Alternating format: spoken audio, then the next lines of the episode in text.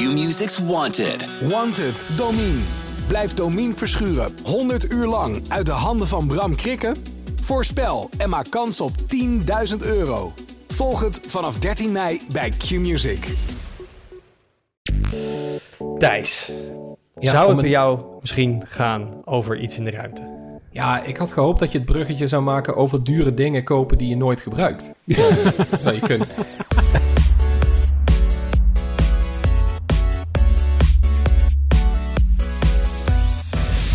Hoi, leuk dat je luistert. Welkom bij een nieuwe aflevering van de Tweakers Podcast. Mijn naam is Wout en vandaag zit ik in de podcast met Thijs Hofmans Hallo. en met Arnaud Wokke. Hoi. Jurjan is, eh, is even lekker eh, met vakantie. Die is een, eh, een eh, nou gaat hij vast zelf nog wel over, eh, over zijn verhuisperikelen vertellen. Ik kan er vast wel een tech-engel bij bedenken als hij terug is. maar met, eh, met z'n drietjes vandaag. Ehm, de kant is toch wel redelijk groot dat je tot voor kort nog nooit had gehoord van het bedrijf Casea. We zaten net al een beetje te zeggen, is het Casea, Casaya, Ik weet, het eerlijk, ik weet het eerlijk gezegd ook niet. Dat zegt al maar weer dat het nog allemaal hele nieuwe materie voor ons is. Maar net zoals bij eh, het bedrijf eh, SolarWinds eh enige tijd geleden, was het opeens in het nieuws. En niet vanwege positieve redenen, maar het bedrijf en ook de klanten van het bedrijf werden getroffen door een ransomware aanval. En het woord ransomware, dat valt toch steeds vaker en vaker helaas. Dus daar gaan we het zo meteen verder over hebben. Maar eerst natuurlijk de highlights. En ik begin hem vandaag bij meneer Wokke. Oh, kijk, dat is lang geleden dat ik mocht beginnen. Ja, eh, er sprong deze week eh, voor mij maar één ding eh, boven al het andere nieuws uit. Dat is namelijk de- eindelijk de... En jammer dat Jurre niet is, want ik had graag zijn perspectief gehoord. Eindelijk de nieuwe Switch. Waar, de Nintendo Switch, waar, waar we eigenlijk al een paar jaar op hebben gewacht, denk ik. Waar al maanden geruchten over gingen. Een Switch Pro met een nieuwe Tegra-chip die dan 4K kan uitsturen naar je tv met een nieuwe dock. En er is een nieuwe Switch met een nieuwe dock, maar hij doet Maar geen dat- 4K. Nee, dus ik, ik, ik, laat ik zo zeggen. Toen ik dacht, goh, wat voor, eh, wat voor highlights zal ik eens opschrijven? Toen, kwam, eh, toen zag ik dat jij deze al had, dus anders had ik hem wel gepakt. Maar het is ook een beetje tegenvallend, want ze zijn van een 6,2 inch LCD naar een 7 inch OLED gegaan. De speakers, dus hij is wat groter. De speakers Mhm. zijn wat verbeterd. Nee, nee, het scherm is wat groter. De Switch zelf is volgens mij precies. Nee, dat bedoel ik. Maar de, inderdaad, het, het scherm waarop je speelt is... eh, je hebt meer screen real estate. Mhm. Ehm, maar de speakers zijn wat beter. De accu is hetzelfde die erin zit. Zeg ik dat de accu duur hetzelfde. Maar inderdaad, geen krachtige Tegra, geen mooiere games, geen 4K uitsturen. Niks van het alles. Wel meer dus- opslag en, en, en, en een Ethernet-poort in je dock. Nou ja, dat, ik bedoel, altijd ethernet is altijd één. Dat is altijd goed. Maar ehm, ik, ik ben het met je eens. Er werd een beetje naar uitgekeken. Ja, ik vind het een klein beetje tegenvallen. Ja, en ik heb nog meer zorgen, want het is... eh, we hebben geprobeerd de specs te achterhalen, is heel moeilijk, maar het is dus een 7-inch OLED-scherm, 720p, dus 1280 bij 720 pixels, verspreid over 7 inch. En dan heb je ook nog eens het ding dat heel veel OLED-schermen van eh, rond dat formaat, en zeker van telefoonformaten, maar ik denk deze ook, eh, een andere pixelindeling hebben dan LCD's. Waar LCD's altijd drie subpixels hebben, dus rood, groen en blauw, hebben veel OLED-schermen twee subpixels per pixels, namelijk rood-groen of blauw-groen. En eh, ja, dat betekent in feite dat je dus minder subpixels hebt om naar te kijken op een groter scherm. En het scherm van de Switch, ik heb er geen probleem mee, ik heb hem zelf. Ehm, maar het is niet het, sch- het scherpste scherm in mijn leven.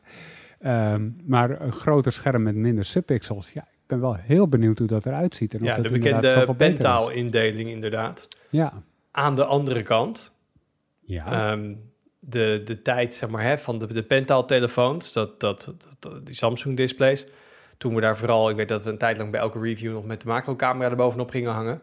Ehm, toen had je niet zoveel aanbieders. Tegenwoordig zijn er echt wel meer partijen die OLED-displays maken. We hebben BOE en we hebben JOLED of JOLED. Mhm. Ehm, maar er zijn wel meer fabrikanten. Dus zijn er nu niet misschien ook gewoon eh, partijen in China die 7-inch RGB-paneeltjes maken? Nou, ze zouden natuurlijk wel kunnen. Het is niet zo dat ze het niet kunnen. Want ze zijn dezelfde subpixels, alleen je hebt er meer van nodig. Maar er is een reden waarom, waarom ze op deze pentile-indeling zijn uitgekomen. Dat is namelijk omdat eh, de blauwe subpixels sneller slijten. En op deze manier eh, zorg je ervoor dat over lange termijn het, het beeld wat beter intact blijft. En dat argument geldt nog steeds. En ik kan me ook niet herinneren dat we telefoons hebben gezien, ook met schermen van BOE of, of, of, of andere aanbieders, ehm, die hiervan afwijken. Dus die wel een RGB-indeling hebben. Die, die, daar heb ik in ieder geval geen weet van. Ehm, en de laatste keer dat ik het onder een, onder een macrocamera heb gehouden, uh, was dat ook gewoon dezelfde soort indeling bij. Volgens mij was het een BOE-scherm op een Huawei van een paar jaar geleden. Um, dus ja, ik ben heel benieuwd hoe dat, uh, hoe dat eruit gaat zien. Niemand heeft het voor mij ook nog kunnen zien, althans mensen binnen Nintendo, maar wij niet. Dus ik, ja, nou ja, het is een puntje van zorg. Zeg maar dat ik even een sterretje gezet van, oh, daar, daar moeten we zeker op letten als we hem zien. Maar als, als Switch-gebruiker die jij bent, mm -hmm. dit, ja, hoe boeiend is het als je al een Switch hebt? Er zit een ander display in en je scherm is 0,8 inch groter. Ja, het boeit me helemaal niks. Uh, het scherm is me ook niet te klein of zo. Ik denk wel uh, elke keer van ja, die bezels zijn wel echt. Die schermranden zijn zo groot.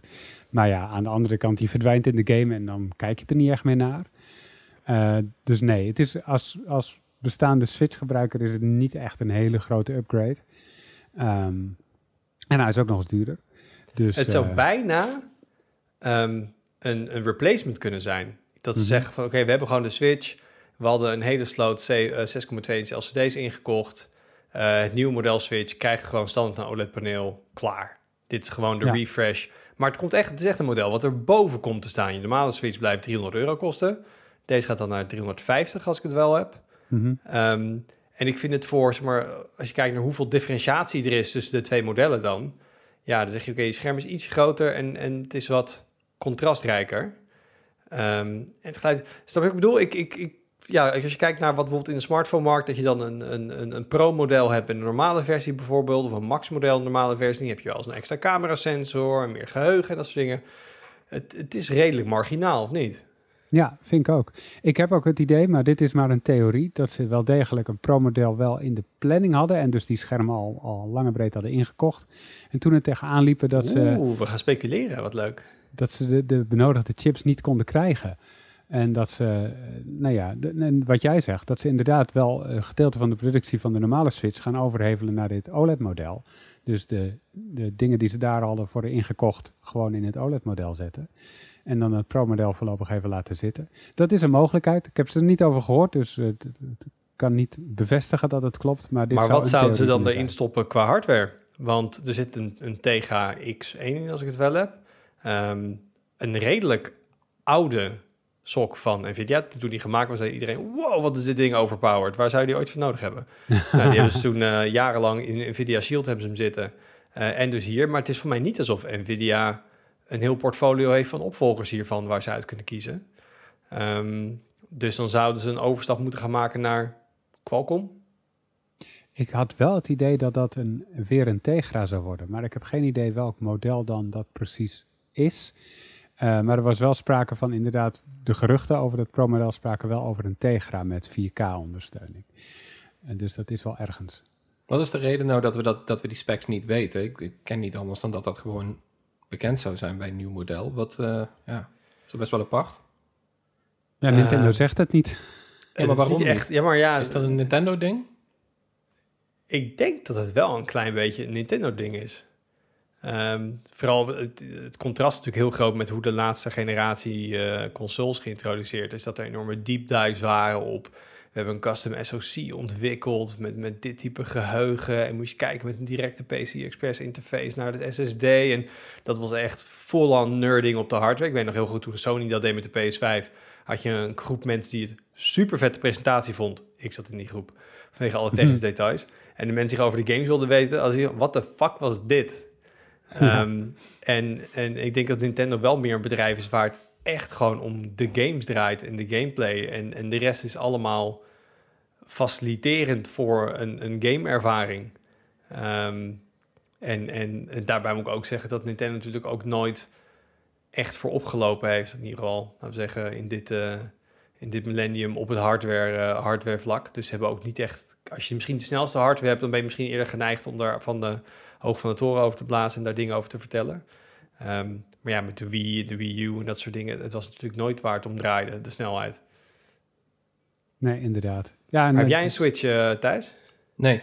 Ik heb nog een oude Game Boy, Game Boy Advance waar ik nog wel eens Tetris op speel soms. Wauw. Oh, wauw. Ja. Advanced SP trouwens, die, dat klapmodel. Oh, oh, ja, sorry. Advanced SP. Ja, Heel nee, anders, maar er ja. zijn ook echt heel veel versies van de Game Boy geweest, dat weet ik wel. Maar ben jij een, een, een mobile gamer? Zou zo'n zo'n Switch... Nee, ik zie je een beetje vies ja, kijken. nee, normaal niet. Ik ben, eh, ik ben heel erg van de PlayStation wel. PC-gamen, daar vind ik eh, sowieso niet zoveel aan.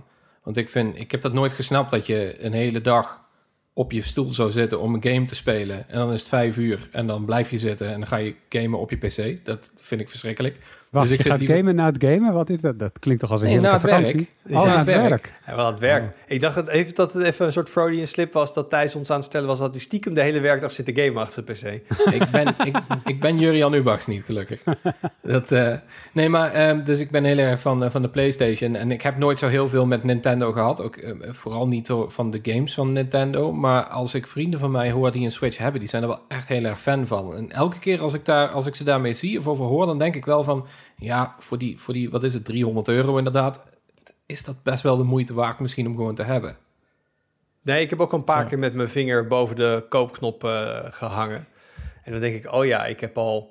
Weet je, ik heb laatst weer... eh, in, in, ik heb al van drie jaar Steam sale allemaal games gekocht die ik nooit speel. en, en van die gratis games in de Epic Store die ik dan maar download naar mijn account koppel en nooit speel. Ehm, ik heb recentelijk weer twee games gekocht... waar ik totaal denk ik 40 minuten in heb zitten... Eh, ik heb nog een Netflix backlog, dus dan denk ik wel, ja, tof, ik ga een Switch kopen. Ga ik vet veel gebruiken, maar ik ken mezelf inmiddels een klein beetje. Ehm, daar, daar komt dan niet veel van, van, van terecht. Maar jij, Arna, ben jij, eh, die, jij hebt een Switch, gebruik je hem veel? Mhm. Ja, eigenlijk best wel, ja. Ja, en eh, het is ook... Het, is niet dat ik elke avond zit te gamen of zo, maar eh, wat er zo tof aan is ten opzichte van een PlayStation, iedereen weet dat wel. Maar de, de, flexibiliteit die je hebt, dat je hem gewoon, nou ja, van je, uit je dock kan halen en dan gewoon op de bank kan spelen. Of je neemt hem mee onderweg en dan kan je gaan spelen. Dat is zo fijn. Ik ben al echt- anderhalf jaar niet meer onderweg geweest. Dus dan ja, heb ik niet zoveel aan. Dan gaan we nog wel een keer uitleggen wat dat ook weer is. Maar Arna, je zegt, ik, ik gebruik hem dan geregeld. Wat moet ik me daarbij voorstellen? Wel wekelijks? Ja, zoiets wel, ja. Misschien wel een paar keer per week. En ik heb natuurlijk ook kinderen en die, eh, die vinden Nintendo-spelletjes ook fantastisch.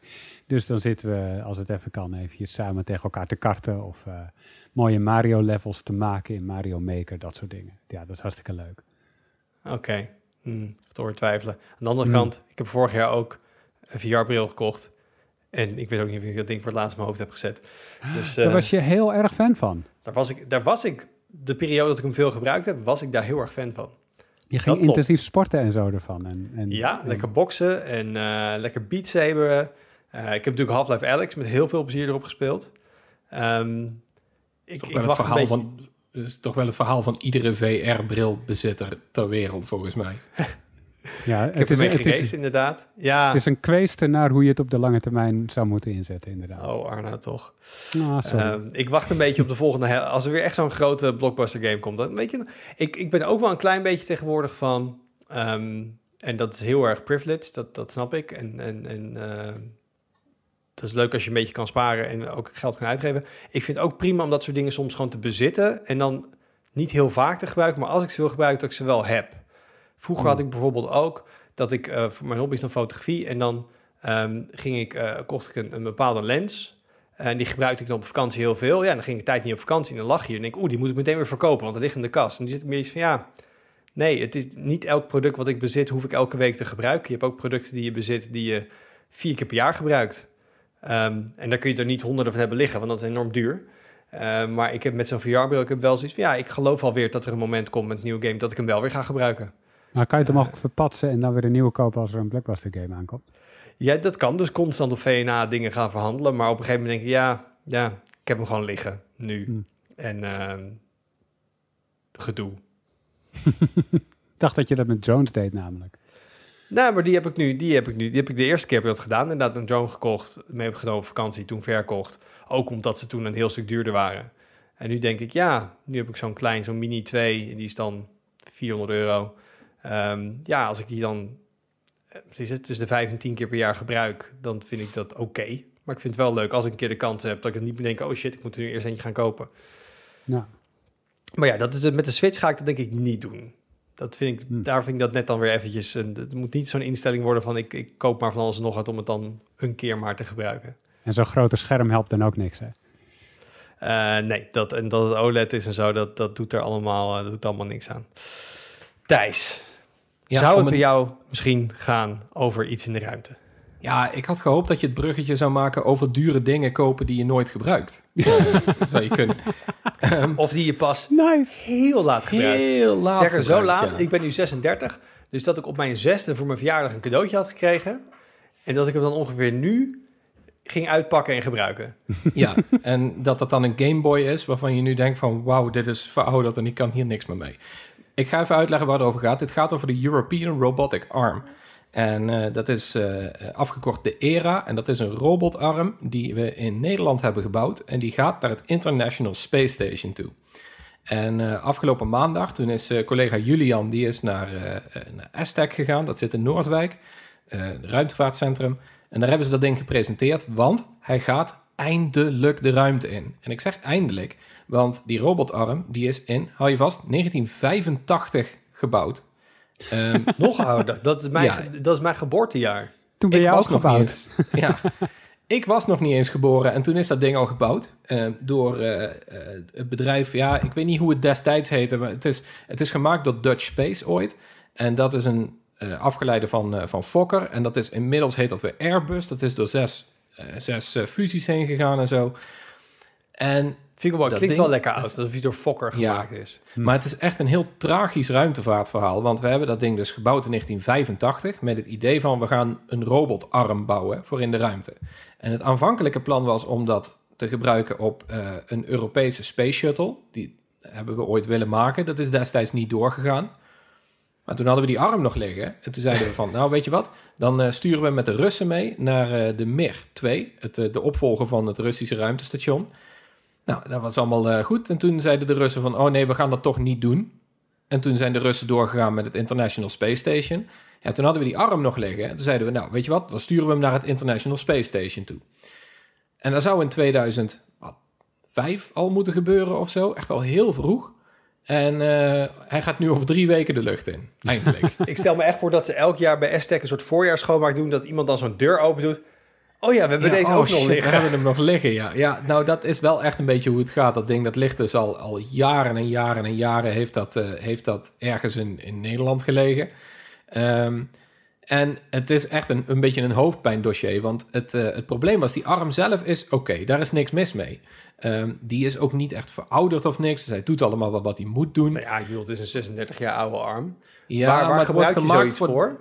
Nou, eh, in principe eh, komt hij op het ISS te staan en ehm, eh, hij werkt een beetje als, eh, als een passer. Dus dat hij zeg maar met die pootjes kan, kan lopen over verbindende aan, of, verbindingspunten op het station. En dan kun je jezelf dan aan vastkoppelen als astronaut en dan kun je ruimtewandelingen maken op die manier. Ah. En dat is een stuk veiliger dan dat je gewoon aan dat station moet gaan hangen en jezelf een beetje over relinkjes moet klimmen. Nee, Dus- maar het is, het is een soort hele geavanceerde tether, zeg maar, waarmee je vast... Het is Ja. niet dat dit ding een grijphandje aan het eind heeft, waar je toeling... eh, het is niet een robotarm. Ja, dat kan, die, die dat kan die volgens mij ook nog. Ehm, dat weet ik even niet zeker wat hij wat die nou precies kan. Ehm, maar het wordt in ieder geval ook gebruikt voor ruimtewandelingen. Dat weet ik wel. En ik weet dat je hem ook heel erg kunt vergelijken met... Er zit al een arm op het ISS en dat is de Canadarm. Eh, die wordt in Canada gemaakt. En die gebruiken ze ook voor dat soort dingen. Ook om bijvoorbeeld, eh, bijvoorbeeld ruimteschepen binnen te halen. Die heet echt Ehm, Canadarm. Ja, Ja, wist je dat niet? Ja, de Canadarm. ja, en dit, is dan de Dutch, dit is dan de Dutch arm, dus die zouden we de darm kunnen gaan noemen. Maar ik denk niet dat ze dat... eh, Canadarm en de darm. Klein ja, applausje voor. dat, dat, Nee, dat dit is de Hollandarm, wordt. het is de harm. Oh, dat Arm. is wel een betere, ja. maar anyway, dat ding, dat, eh, dat is aan zich is dat niet... Hij is, hij is goed. Alleen het probleem is, hij zou Gewoon omhoog prima, gaan... prima een- ruimtearm. Niks mis ja, mee. dus een goede ruimtearm. Niet veel gebruikt. Hè? Weinig kilometers. van een oud omaatje geweest. Maar eh, ehm, het ding, dat zou omhoog moeten gaan met een Russische nieuwe module voor het station. De, de Nauka-module. En die module, daar zitten wel problemen mee. Dus ze hebben dat ding ooit naar, eh, naar Rusland gebracht en dan alvast daarbij gelegd en gezegd van nou, dan sturen we hem samen omhoog.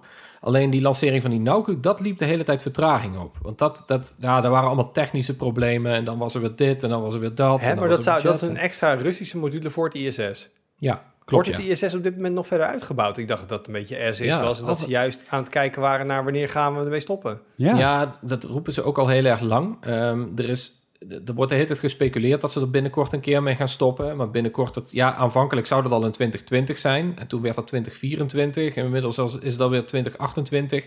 Niemand wil echt stoppen, omdat er geen echt goed alternatief is, wat niet heel veel duurder is dan het huidige ISS.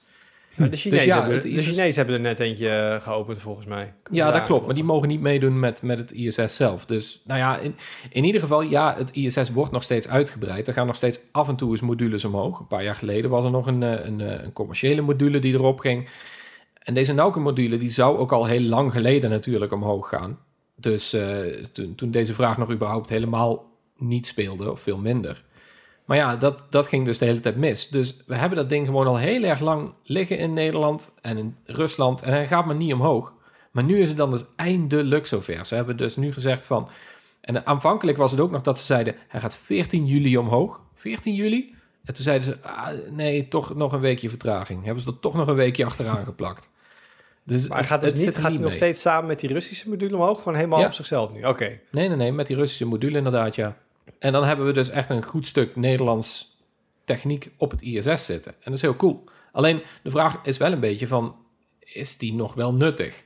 Want ja, inderdaad, zoals je zegt van, eh, aanvankelijk was het, zou die erop moeten staan, zou die het, he- het hele leven van dat ruimtestation moeten functioneren. Nou ja, dat zijn nu nog maar een paar jaartjes.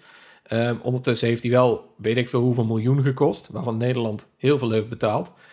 En ja, inderdaad, wat hij gaat doen. Ja, ruimtewandelingen werken ook Het wel klinkt- zonder dat ding. Het klinkt ook inderdaad niet alsof dit een essentieel onderdeel gaat worden... waar mensen heel erg op zitten Nee. te wachten. Het is meer van, hé hey jongens, ehm, je hebt er een bij.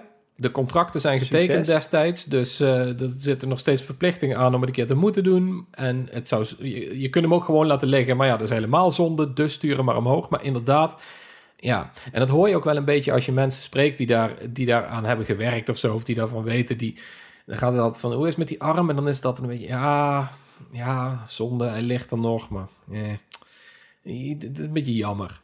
Maar dat is toch de, is dat, is dat de sunk cost fallacy? Van ja, we hebben er eenmaal voor betaald, dus we moeten er iets mee. Dat dat Ja, eigenlijk, een beetje nee, wel, ja. je, je kan hem ook gewoon weggooien.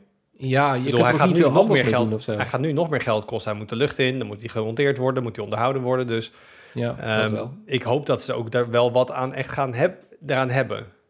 Dat, dat hoop ik ook. Ze zullen hem ook echt wel gebruiken. En het zal best wel, best wel goede dingen doen daar.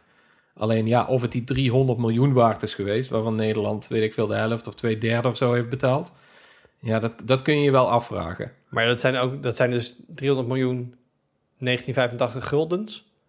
Of Nee, euro volgens mij. Ik, ik meen dat in ons, in ons eigen stuk hadden we het over 360 miljoen, zie ik nu staan. Oké. Maar ik weet, ik weet niet precies waar die kosten in zitten. Valt mij... In ieder geval heel... Klinkt heel gek hoor, als je het hebt over een bedrag van 360 miljoen. Maar ergens valt me dat mee. ik, heb, ik heb het gevoel dat de ruimtevaart ongeveer alles bij een miljard begint. Het Ehm, ISS heeft 100 miljard gekost. Dus Ja, en dan heb je maar 300 miljoen voor een armpje. Dat vind ik best wel goed. Ik vind het een goede deal. Ik snap dat ze hem toch wel naar boven brengen dan. ja, vooruit. Daar zit, daar zit wel wat in. Ja, alright. Maar dat is dus de 21ste dan, een week na de 14e. Ja, maar goed, eh, ik sluit niet uit dat het gewoon alsnog weer een keer vertraagd wordt of dat er toch iets misgaat. Ik bedoel, hè, wat is een week op 35 jaar? Ja, hey, maar ze zijn nu echt de launch aan het plannen. ja, dus het, is nu, het staat nu redelijk vast, ja, dat klopt. Ja, oké. Nou, dat, eh, dat zal... Maar dat is Russisch. En is dat ook nog een beetje tegenwoordig? Ik weet natuurlijk alles van de NASA en, en SpaceX wordt goed op YouTube uitgezonden. Doen de Russen hetzelfde? Ja, die zijn het zeker uit, ja. Zet ze gewoon een GoPro neer en daar blijft het vooral bij. Maar het wordt wel uitgezonden. Je minder kunt wel slik. Oké. Dan eh, kunnen we de 21ste kunnen we dat, eh, kunnen we dat gaan kijken. Ehm, Wat mij eh, deze week nog opviel, is een, een nieuwsbericht bij ons. Eh XS Vooral stopt op 1 oktober met internet via inbellen. Mhm. Waarna mijn eerste reactie was... je kon op dit moment nog inbellen om op internet te komen in Nederland. Vonden de klanten van Access for All, Access for All ook. Ja, en, en KPN liet het dan ook via Access for All lopen. Want KPN was dan eh, in 2016 al gestopt met eh, de mogelijkheid om in te bellen via een, eh, een, een modem. Maar eh, ik denk, ja, dat is toch wel iets waar we even bij stil moeten staan. Want ik heb snel eventjes, ik heb er geen extensief onderzoek naar gedaan. Maar een hele snelle Google-zoektocht. Het zou best wel eens kunnen dat dit de laatste provider was die het in Nederland nog deed. Ehm, volgens Wikipedia was er ook nog inbellen.nl, maar die, dat domein is verlopen. Dus dat is denk ik ook niet meer een ding. Ehm, Kun jij dat geluid eind. nog eens nadoen, Wout? Dat was ik niet van plan, maar ik denk dat Oh, iedereen jammer. in zijn hoofd op dit moment een piepend, krakend inbelmodem kan nadoen. Ehm, ik zit even kijken, Arnoud, jij moet dat nog meegemaakt hebben natuurlijk. Thijs, ik weet niet Ja. precies hoe oud jij Nee, bent. ja. 32. Dus ik Oh, heb het oké, zeker oké, meegemaakt. oké, oké. Absoluut. Jullie, jullie hebben thuis ook nog eh, als, als eh, kleine, kleine tech-nerds nog, eh, nog ingebeld. Ja, maar mag ik, mag ik even de aanvullen dat ik, ik vind eigenlijk dat we bij dit nieuws een beetje voorbij moeten gaan aan de nostalgiefactor. Ehm, want ik, ik, ik vond het ook een beetje opvallend. Access for All zei ook zelf, eh, in een persbericht hadden ze geschreven, minder dan vijf mensen gebruiken dit nog actief. dat vond ik heel mooi. Hint, het Maar aantal dat- gebruikers staat in onze naam. Ja, Ja, maar dat, dat is natuurlijk niet waar dit, eh, waarom dit zo'n zo'n ding was. Maar Access for All was natuurlijk die enige provider dat als er weer eens shit was in de wereld, dat zij dan zeiden van hier is een inbelverbinding die je mag gebruiken. Dat hebben ze met de Arabische lente gedaan, met allemaal protesten in, in, in Hongkong destijds nog en eh, nu in Wit-Rusland eh, een jaar of wat geleden. Eh, en dan zeggen ze gewoon van, je kunt inbellen op dit nummer. En dan kun je gewoon gebruik maken van internet op het moment dat de autoriteiten alles afsluiten in dat land. Behalve En- bekabeld telefoonnetwerk. Want je hebt nog steeds natuurlijk gewoon koper nodig om dan erop in te Ja, bellen. dat, dat wel inderdaad. Kijk, ook, ook dat zal niet storm hebben gelopen. Er zal niet heel veel gebruik van zijn gemaakt. Maar het feit dat zij dat deden, dat is wel echt die mondjesmaat, idealistische... Ja. Ja, maar goed. Ja, je kunt je afvragen of dat, dat doe je natuurlijk niet voor de massa, zoiets. Maar dit, dat is natuurlijk wel weer van... Dit is die, die activistische inborst waar Access for All zo populair mee is geworden... en waar mensen zo'n fan van waren. En dat zetten ze nu af. En ik denk dat dat, dat is natuurlijk veel erger dan die 1, 2, 3, 4 of 5 mensen die dat, eh, die dat nog inderdaad gebruikten, ja. Maar is dat erg wat jou betreft ehm, het signaal wat ze daarmee afgeven van we zijn het oude Access vooral niet meer? Of denk je dat er nu echt Denk- mensen in eh, gevaarlijke gebieden in de wereld in de problemen komen? Want volgens mij Nee. kun je tegenwoordig, je hebt satelliettelefoons, je hebt Ja, het is, dat, het is dat eerste natuurlijk. gooi zo'n pizzadoos van, ja. SpaceX ergens tegenaan en je hebt ook internet. Precies. Dat, dat, dat is het inderdaad vooral. Het is, het is gewoon het, is het idee dat Access for All een van de laatste providers in Nederland was die echt nog ergens voor stond. En dat was natuurlijk het... Behalve maar geld was- verdienen. Ja, nou ja, wel een, wel een beetje. Ja, het is natuurlijk een beetje flauwekul. En ook een deel van de marketing daarvan natuurlijk. Maar dat was wel de angst toen, eh, toen, het, eh, toen het werd opgeheven. Dat iedereen zei van ja, je hebt straks nog maar drie providers. En die, die zijn letterlijk alleen maar voor het geld. En dat is ook prima natuurlijk. Ik bedoel, het is een bedrijf. Maar ja, dat er niet gewoon een kleine partij was die dat, dit soort beetje activistische dingetjes nog wel eens deed. Dat is, ja, dat is toch jammer. En dit was wel waar iedereen destijds voor waarschuwde. Van ja, dit gaat straks verdwijnen. En dat is, ja, dat is zonde. en dat gebeurt dan ook. Ja. Dat gebeurt dan ook. Niet gek, niet onverwacht, maar wel jammer. Ik zit meteen even rond te klikken en even te kijken. Dit is natuurlijk eh, bij, eh bij een kans voor Freedom Internet. Ja, Om, ehm, maar ik zit bij hem op de site te kijken. Ik kan glasvezel of DSL afnemen. Nee, ik, ja, maar je durft toch wel gewoon te zeggen nu... Of je, je weet gewoon dat volgende week dat er een persbericht komt... en dat ze gewoon di- dit gaan introduceren. Ja, Dat, eh, ik, ik, ja. Zou het, ik zou het geen, gek, geen gekke actie vinden. Ik ook niet, good voor them. ja. Maar eh, ik vind wel, ik, ehm, ik heb steeds vaker tegenwoordig dat ik denk, oh, ik ben niet, eh, niet de jongste meer. Eh, terwijl het natuurlijk best wel meevalt, halverwege de 30. Maar wel, wel interessant om te zien hoe mensen onze generatie echt de opkomst van het internet, vanaf echt de, de, de meest, wat 9600 boutmodem zeg maar, en dan 40k4, 28k8, 36k6, 56k en dan DSL, kabel en we zitten nu gewoon op, op weet je, 1 gigabit synchronous glasvezelverbindingen, 4G, 5G.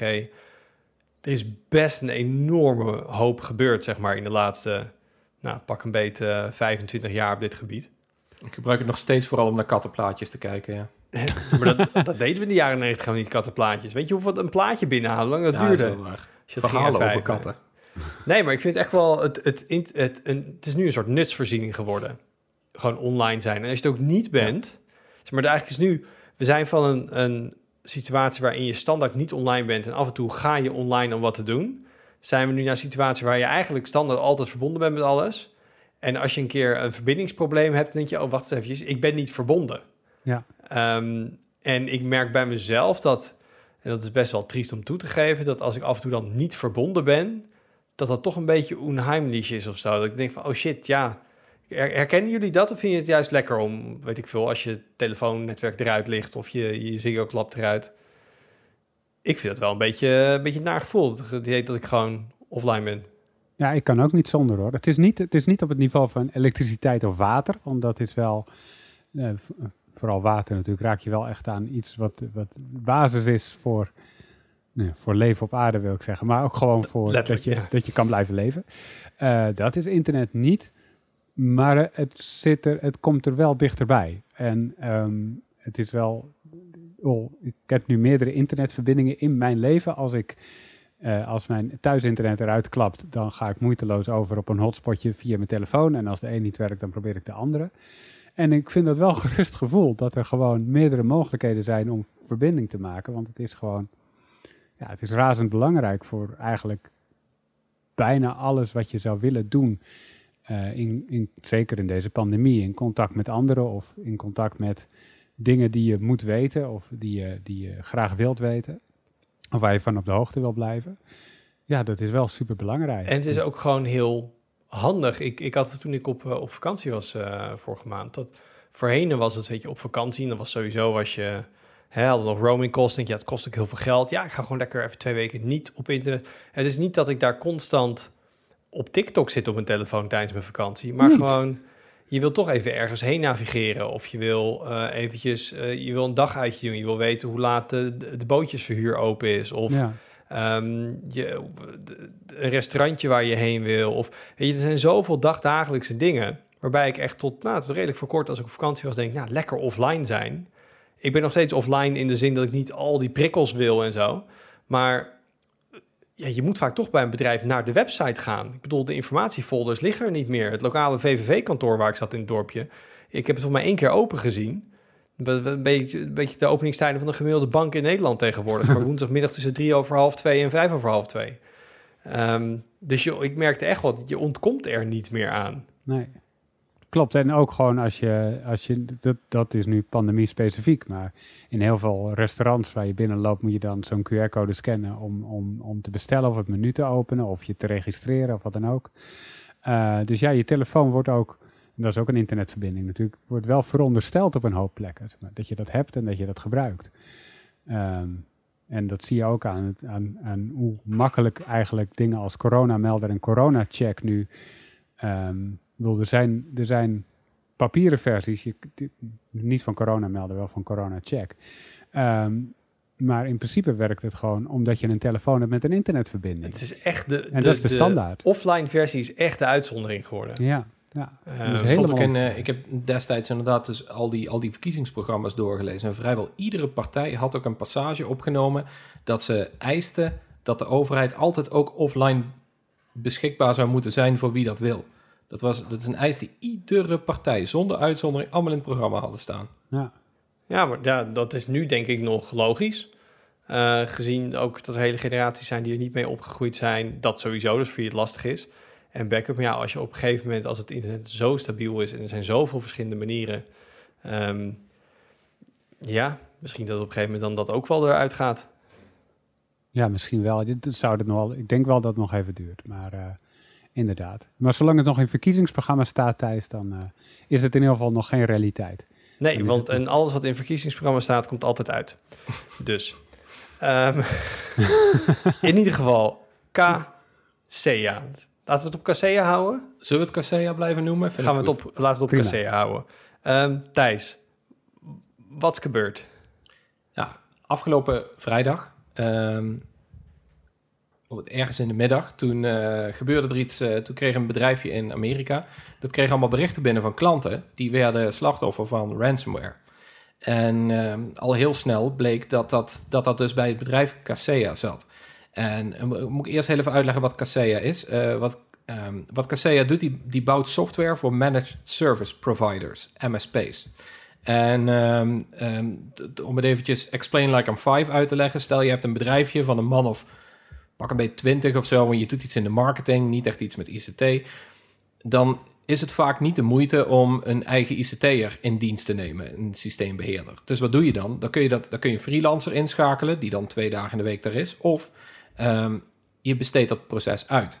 En dat doen ze dan aan MSP's, Managed Service Providers. Die doen dan de ICT voor jou als bedrijf. En zo'n MSP die heeft dan, nou, pak een beter 100, 200, 300 klanten of zo... waar ze dan ICT en incidenten voor doen en dat soort dingen. Die houden de beveiliging daarvan een beetje in de gaten. Zorgen dat al die apparaten blijven werken. En die MSP's die maken op hun beurt weer gebruik van software. En die software die wordt gemaakt door Kaseya, onder andere.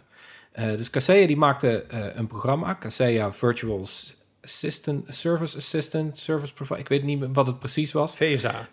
VSA in ieder geval. En um, um, daarmee, kon je dan, daarmee kun je laptops beheren, je kunt gebruikers toevoegen, je kunt uh, uh, programma's uh, installeren op die apparaten, dat soort dingen. En wat was er nou gebeurd? Um, bij Kaseya zijn hackers binnengekomen op de een of andere manier. Er is nog heel veel onbekend over die hack, van hoe dat dan precies is gegaan. Maar ze zijn daar binnengekomen, hebben vervolgens een vijftigtal klanten, dus MSP's, besmet. En de aard van die software die zorgt ervoor dat, je, dat, dat, Kaseya, dat die Kaseya-software heel ver kan gaan bij bedrijven die, of uh, bij, bij systemen. Die kunnen, die kunnen uh, tot op uh, admin-niveau van alles doen op die laptops. En dat maakt het ook redelijk aantrekkelijk en best wel makkelijk om daar bijvoorbeeld dus ransomware op te zetten. En dat is dus gebeurd. Ze zijn dus bij Kaseya binnengekomen, bij een kleine 50 klanten of zo van die MSP's, hebben ze vervolgens de software gebruikt om daar weer de klanten van te infecteren met ransomware. Want het zat in dat VSA, de ransomware. Want je hebt natuurlijk een stuk software ja, nodig. Het werd in ieder geval via dat VSA uitgerold. Het is nog niet helemaal bekend hoe dat dan, hoe dat dan precies ging en zo. Dat, dat komt allemaal nog wel. Eerst zijn ze nog, nu nog even bezig met uh, brandje blussen. Maar mm -hmm. uh, heel benieuwd hoe dat uiteindelijk is gegaan. Maar uiteindelijk zijn er dus heel veel bedrijven getroffen door, door ransomware. En het, hoe groot is, dus is ook, dit Kaseya? Uh, het, het, is dus, ja, als je vraagt hoe groot de omvang van deze aanval was, hoe groot het bedrijf zelf is, weet ik niet. Uh, maar ze zijn volgens mij best wel, best wel groot en best wel populair. Maar uiteindelijk is het, het is heel moeilijk om te zeggen hoe groot deze aanval nou was. Want uh, zegt zelf dat er 50 bedrijven dus zijn getroffen, 50 klanten van Kaseya. Maar goed, die klanten die hebben vervolgens weer hun eigen klanten allemaal, die MSP's. En hoeveel dat er dan zijn, dat is dus heel moeilijk te zeggen. En um, um, Kaseya heeft het zelf op een schatting van rond de 1500. Dus dat zijn 1500 bedrijven wereldwijd. Een soort uh, exponentiële groei. Je infecteert Kaseya, dan ja. gaat het van daaruit naar uh, de MSP's. Naar andere. Dan... Dus het is, dat, is, dat is eigenlijk een dubbele aanval inderdaad. En, um, um, maar die, die ransomware-verspreiders zelf, die zeggen dat ze wel een miljoen bedrijven hebben geïnfecteerd. Of in ieder geval een miljoen systemen. In ieder geval heel veel meer. Maar dus de, en, de, de ransomware... Um, mensen die zeggen dingen, dus die zijn in, in het openbaar in contact. Wie, wie doet dit? Wie heeft het gedaan? Hier zit, uh, er zit een bekende bende achter, Revil heet dat, R-E-V-I-L. En uh, die zijn wel bekend, want die hebben al, al heel veel eerder uh, ransomware uitgestuurd natuurlijk. Um, ze worden over het algemeen gelieerd aan Rusland. Het is niet helemaal zeker of ze ook aan het Kremlin zijn gelinkt, of dat het gewoon een, een bende is. Maar in ieder geval de Russische autoriteiten zijn ook niet erg, uh, hebben ook niet echt heel erg veel interesse om ze, om ze op te pakken of zo. Dus die vinden het allemaal wel best. Um, ze vallen ook nooit Russische, Russische slachtoffers aan. Dat is ook wel opvallend. Hmm. Maar ja, ze vragen nu uh, in totaal 70 miljoen dollar. Dus dat is 60 miljoen euro aan losgeld. Zo. En ja. in, in crypto ja. waarschijnlijk weer? Of? Ja, in crypto. In, aanvankelijk in Monero. Dat is op Monero. Ik weet niet hoe je dat noemt, zo'n crypto coin. Maar inmiddels ook wel een bitcoin willen, vinden ze ook wel goed. En uh, wat, wat ook best, wel opvallend best wel meegaande is... jongens daar bij Revel. Ja, best wel. Maar wat ook wel opvallend is, is aan deze aanval... dat um, um, ze hebben dus... Normaal gesproken, dan gaan ze dus ieder afzonderlijk bedrijf... gaan ze dus benaderen en zeggen van... joh, je wilt los, nou, dat kost je 500.000 of een miljoen, 2 miljoen, weet ik veel. Is altijd afhankelijk van hoe groot het bedrijf is. En dit keer hebben ze gewoon gezegd van... nou, weet je wat, laat maar zitten... Uh, Eén keer 70 miljoen. Maakt ook niet uit wie het betaalt. Maar uh, als, jullie, als wij 70 miljoen krijgen, dan laten we gewoon een decryptor los. En dan kan iedereen zich weer, uh, kan iedereen weer verder met zijn dag. Dus of nou één iemand dat doet, of een overheid, of een verzekeraar of zo. En dat is ook best wel een unieke, unieke of Bill aanpak. Gates, gewoon iemand ja, met geld. bijvoorbeeld. Bijvoorbeeld. Dus het is, ja, het is, uh, maar het is, het is, het is, een heftige aanval met grote omvang. En uh, ja, een van de grootste ransomware aanvallen die we ooit tot nu toe hebben gezien. En vergeet ook trouwens niet dat er heel veel bedrijven zijn, want we hebben het nu over die 1500 slachtoffers. Maar die maken op hun beurt ook weer eens slachtoffers. Want je hebt bijvoorbeeld, uh, uh, die, dat heb je wel eens uh, gehoord misschien, de Co-op, die supermarktketen. Die heeft in Zweden, hebben ze alle supermarkten dichtgegooid. Omdat hun betaalprovider getroffen was door ransomware. Oh, wow. Dus je kon daar niet betalen met, met, bij de kassa's of bij de zelfscan. En toen hebben ze, uit voor, hebben ze gewoon maar die hele winkels dichtgegooid. Terwijl die zelf helemaal geen klant waren van Kaseya of van zo'n provider. Dus de, de, de, het golfeffect hiervan is echt uh, ja, heel groot. En um, gebruiken zij dan hiervoor compleet customized uh, ransomware software? Of kopen zij er tegenwoordig gewoon in? Is het een bekend type ransomware wat eventueel misschien wel um, ja, ontsleuteld kan worden zelf? Of moet er echt betaald worden als je het vrij wil geven? Uh, voor, voor zoals we het nu weten, moet je hier wel echt uh, voor betalen, inderdaad. Ja. Maar het is overigens wel zo dat uh, die Revel. Het is heel moeilijk te zeggen wie daar nou precies achter zit. Ook omdat het misschien wel helemaal niet de originele makers zijn. Want zij bieden die ransomware ook aan als ransomware as a service. En dan kun jij gewoon, ja, dan kun je dat huren. En dan. Raas. Ja, eigenlijk wel, ja. En dan, dat, dat, dat zouden wij met z'n drieën kunnen doen. Het enige wat we nodig hebben is geld. En iemand die we willen infecteren, dat, dat is eigenlijk het enige wat je moet doen. En vervolgens gebruik je dan hun software, malware, sorry, en uh, hun, uh, hun command and control servers. En ruil voor, wat is het, 15% commissie of zo. En daar worden zij heel rijk van. Het is gewoon een business. Ja. Hey, we hebben wel enig idee of uh, wie dan ook van plan is om 70 miljoen neer te gaan leggen? Uh, ik denk het niet. En ik vermoed ook dat dit wel een best wel heftige respons gaat, uh, gaat uitbrengen vanuit, vanuit de rest van de wereld. Dat nu ook overheden hier wel echt harder tegen gaan optreden. Want uh, weet je, dit, gaat, dit is zo wereldwijd verspreid sowieso. En ik, ik denk niet dat iemand het echt makkelijk gaat betalen. En dat verwachten ze volgens mij zelf ook niet. Want ze hebben die losgeld inmiddels ook alweer verlaagd. Uh, dat is volgens mij inmiddels al 50 miljoen geworden of 40 oh, miljoen of zo. Koop je. Koop je. Ja, ja precies. Gewoon groepskorting of zo. Ik weet het niet. Maar um, ik, ja, ik denk niet dat iemand het echt gaat betalen. Maar ja. ja, dat moeten we nog maar zien. Zouden ze moeten, wat vinden jullie in dit soort, in dit soort gevallen? Betalen of gewoon principieel nooit doen? Arnoud? Ik denk... Ja, ik vind het enorm lastig, want dit heeft echt twee kanten. Aan de ene kant, als je betaalt, je houdt de business in stand. En dat is afgelopen jaren wel gebleken. Het wordt niet minder, het wordt alleen erger. Aan de andere kant, uh, voor sommige bedrijven is het letterlijk betalen of, uh, of, of stoppen met je bedrijf.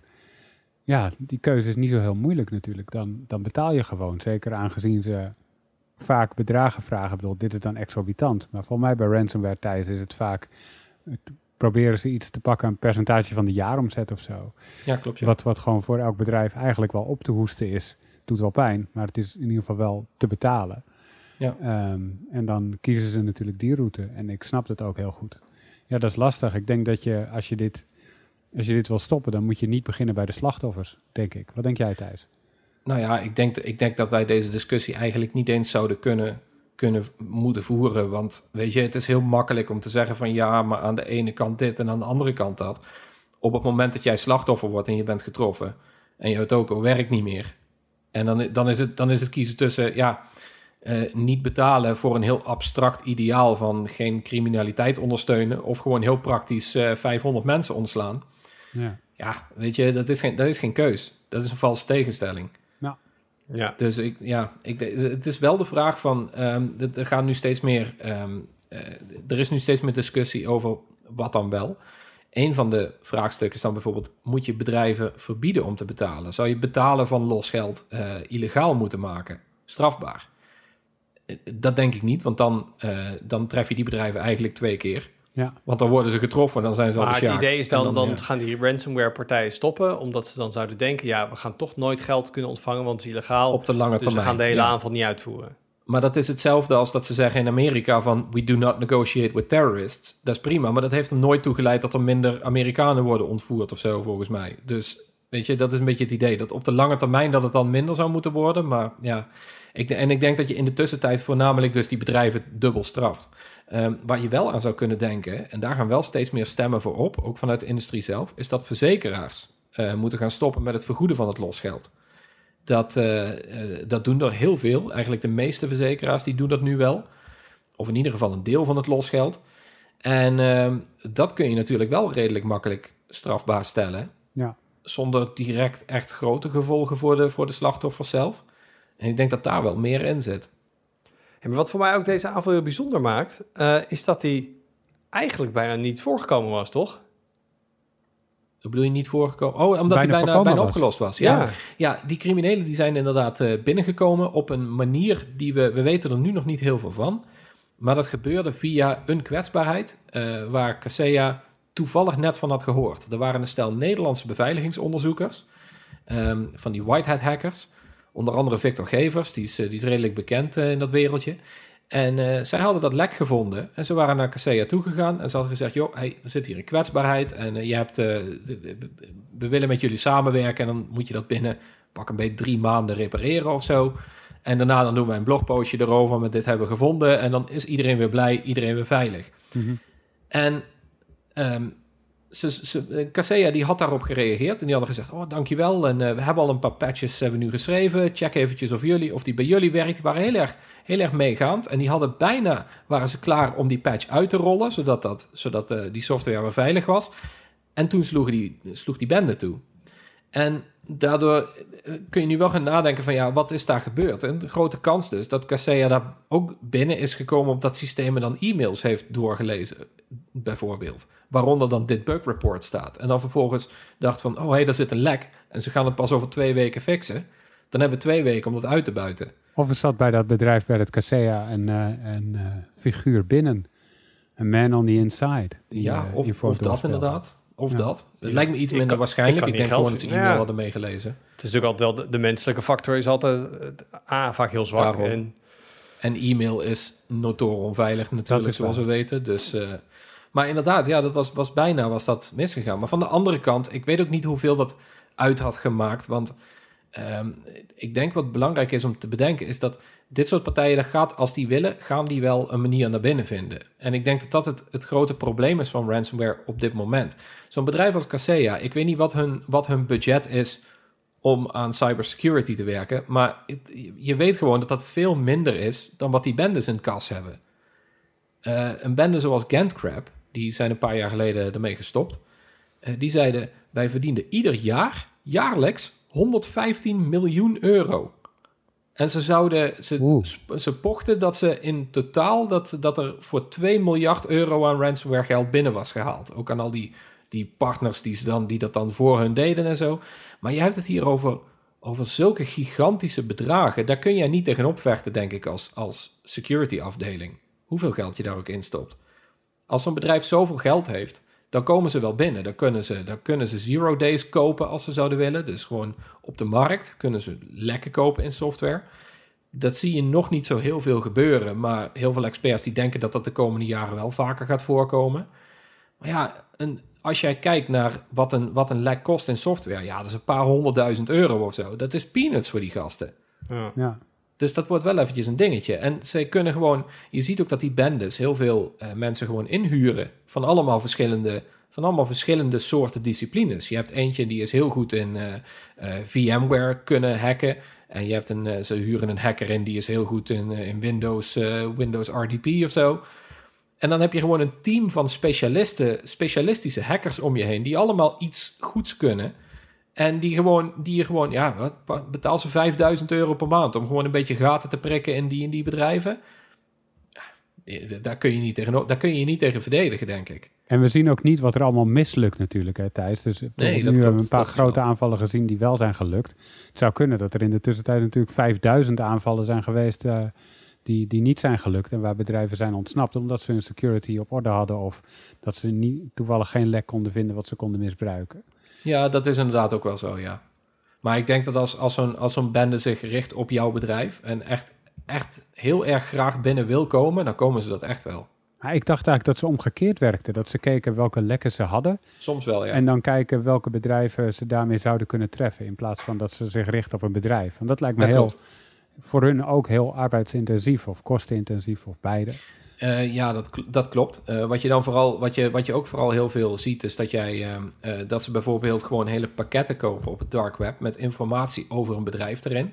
Um, dat is zowel bovengrondse informatie, zoals wat is de jaaromzet van het bedrijf, hoeveel mensen werken er, als dus technische informatie met ze gebruiken die systemen en daar zitten mogelijke kwetsbaarheden. En ja, dan kun je inderdaad zeggen van nou, ik koop zo'n pakketje voor 100.000 euro en dan uh, weet ik vervolgens dat ik daar naar binnen kan komen. En dan ga je proberen om die informatie te gebruiken om daadwerkelijk daar binnen te hacken.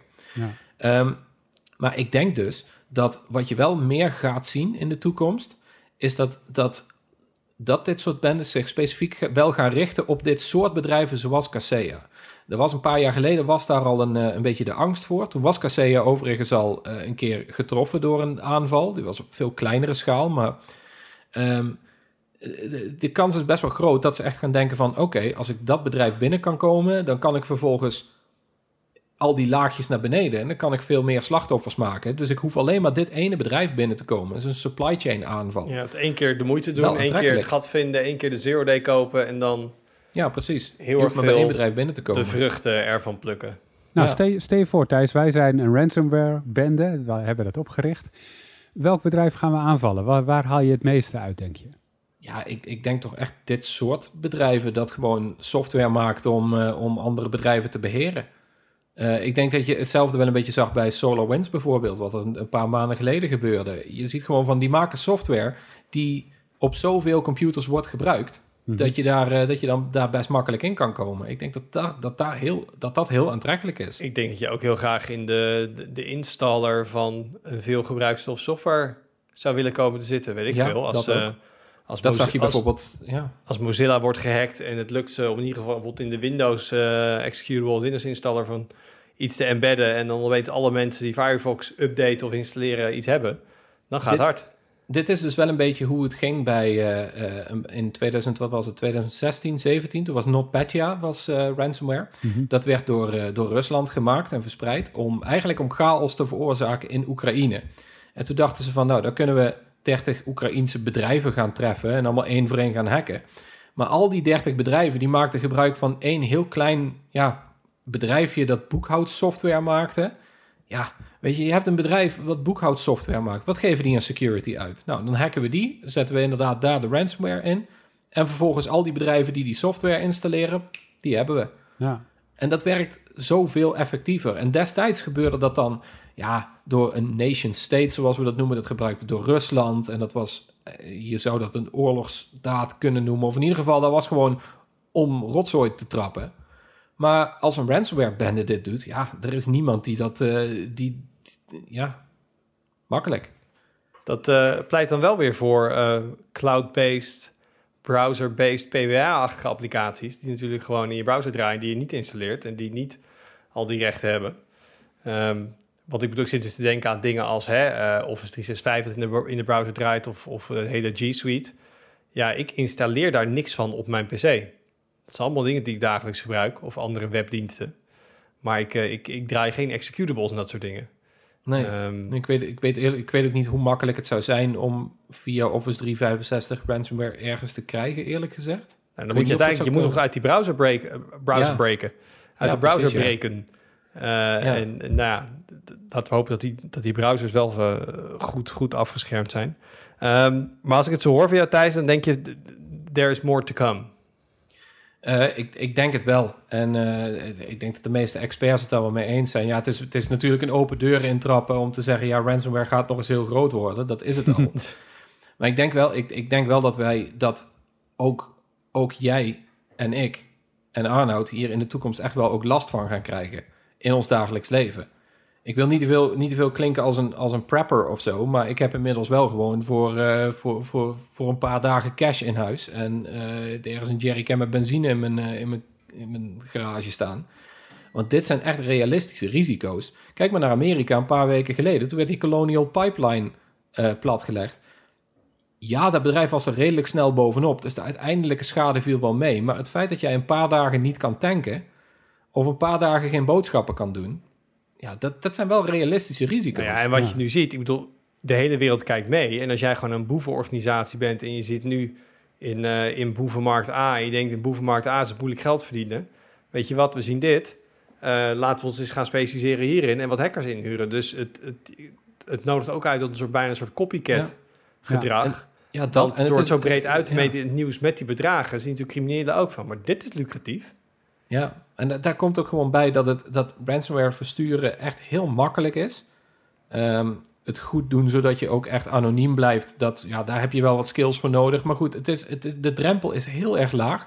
Uh, de winst is heel erg hoog voor relatief weinig werk. En de pakkans is ook gewoon nog steeds heel laag. Als jij een beetje goed, uh, goed weet jezelf te beschermen. ja, de kans dat je, dat, je, dat je niet gepakt wordt, is, is aanzienlijk. Ja. En als je nou iemand me- aan het luisteren is en die is eh, CEO van een klein bedrijfje en die heeft CEO van die andere bedrijven dingen in beheer, wat, wat, wat kun je hier, hoe wapen je hier tegen? Eh, de- ja, jarenlang zei iedereen van eh, je moet gewoon goede backups maken en die offline bewaren en, en dat soort dingen. Leer mensen niet op links te klikken. Maar we hebben inmiddels ook wel gemerkt dat dat niet helemaal niet altijd werkt. Ik denk nog steeds wel dat het goed is en dat je dan op die manier nog steeds wel ehm, jezelf redelijk kunt beschermen en dat, dat je sommige schade tegen kan gaan. Maar ik zou vooral meer geld stoppen in security afdeling. En, en, en daar meer mensen op aanhaken. Ik denk dat, ik denk dat dit zo'n groot en realistisch risico is voor ieder bedrijf, dat je jezelf daar ook tegen moet wapenen. En niet gewoon kunt zeggen van, nou, dat, dat, dat moet niet ergens nakomen. Ja. Dat moet echt in de core zitten van, in de kern van je hele bedrijf. Van die beveiliging, die moet er gewoon in. En Maar- dat is, ja. Even terug, waarom werken offline backups niet meer dan? Nou ja, dat werkt wel. Maar nogmaals, als jij een, als jij een bedrijf echt wilt treffen, dan, eh, dan vind jij misschien ook wel een manier om die offline backups op de een of andere manier. Dat, weet je, in dat proces kan best een kwetsbaarheid zitten. Ofwel een technische, ofwel een menselijke, die je kunt uitbuiten. En als je maar lang genoeg kijkt naar zo'n situatie, dan ja. En wat je ook heel vaak ziet, ik weet niet of dat tegenwoordig nog een ding is, maar in ieder geval was dat een paar jaar geleden wel een probleem. Toen waren er heel veel bedrijven die kwamen naar buiten en die zeiden: ja, ehm, het terugzetten van onze backups en alle systemen wipen en opnieuw installeren en zo, dat kost ons zeg 5 miljoen euro. Terwijl als wij het losgeld betalen, dan betalen wij 1 miljoen. Ja, dan wordt het ook weer, dan wordt het ook gewoon een, een, een financiële keus. Dat kan ook Ja. nog, hè? Ja. Ja, Dus ja, dat klinkt heel pervers, maar dat is wel volgens mij nog steeds hoe het gaat. Als je bijvoorbeeld kijkt naar, de, de, de, de- dat zou je eens een keer moeten opzoeken, of misschien, ik weet niet of we dat in de show notes kunnen zetten, anders reageer ik het er wel op. Maar eh, Wired, die had een paar jaar geleden een verhaal over hoe Marsk, die waren toen geraakt door NotPetya, het waren ze eh, gaan praten met, die, eh, met de, de ICT-afdeling van Maersk. En hoeveel werk dat die moesten verzetten om alle systemen bij dat hele bedrijf opnieuw te installeren. Dat is een miljoenenoperatie geweest. Dan kan het voordeliger zijn om gewoon... Ja, En normaal zijn ze gewend dat er per week gaan een paar medewerkers weg, komen een paar medewerkers bij, een paar laptopjes uitleveren en provisionen en zo. Als je Ja. dan opeens alle werkplekken moet doen. Ja, dat is wel wat anders. Ja. Nou, het was een hele gezellige aflevering, jongens. Ja, echt wel. Ik Eh, heb echt dit- veel zin. ik heb echt, eh, echt volste vertrouwen in dat onze digitale infrastructuur helemaal overeind blijft staan de komende jaren. Allemaal Dus, eh, dood. Ja, dus eh, dankjewel Thijs. Eh, kidding. Hey, eh, nog even vooruitkijken naar wat er op de, de site verschijnt. Ehm, als je dit op eh, de donderdag luistert dat die, eh, dat die uitkomt, dan heb je als het goed is al eh, over wat nieuwe RTX-videokaartjes kunnen lezen. Dan heb je nog in de, in de pijplijn zitten de Smart van Best Buy Guide natuurlijk Mhm. die we weer hebben bijgewerkt. Eh, Erik is bezig geweest met short throw projectoren van die units die je niet ergens op een kastje of aan je plafond hoeft te hangen, maar die je lekker tegen de muur aanzet. En dan eh, eigenlijk redelijk eh, anoniem in je huiskamer beeld op de muur projecteren. Arnoud, jij bent gedoken in de prijzen van 5G-telefoons. Ja, ik vertelde er vorige week al wat over. En dat heeft geleid inderdaad tot een leuk verhaal met een beetje duiding over waarom, wat er eigenlijk is gebeurd. Want het, het rare is dus dat vorig jaar zomer daalden de prijzen van 5G-telefoons in- ineens heel hard. En in het najaar stegen ze weer. En nu zijn ze weer aan het dalen. Het lijkt wel een soort van alsof het in golfbewegingen gaat als een bepaald virus. Ehm, Zitten en- nu in de, in de tweede 5G-dip en dan komt daar de derde 5G-golf. Ja, nou misschien. We gaan Is er zien. toch een link tussen dat vaccin en dat 5G, hè? Zie je nou wel? Damn, je hebt me door. Daar wilde ik inderdaad heen. Ja, dat is het. Ja, helemaal. nou, dus Arnold interview met Bill Gates over 5G-telefoons en vaccins. Kun je ook op de site verwachten. We zijn nog bij Lightyear One langs geweest recentelijk voor hun, eh, hun, hun, hun zonneauto. Dus eh, genoeg op de site de komende tijd. Dank jullie wel jongens. Eh, en dank jullie eh, voor het luisteren en eh, voor het kijken eventueel op YouTube. Heb je feedback? Geef het ons vooral op podcast.tweakers.net of laat het achter in de reacties. En we zijn er weer volgende week. Doei.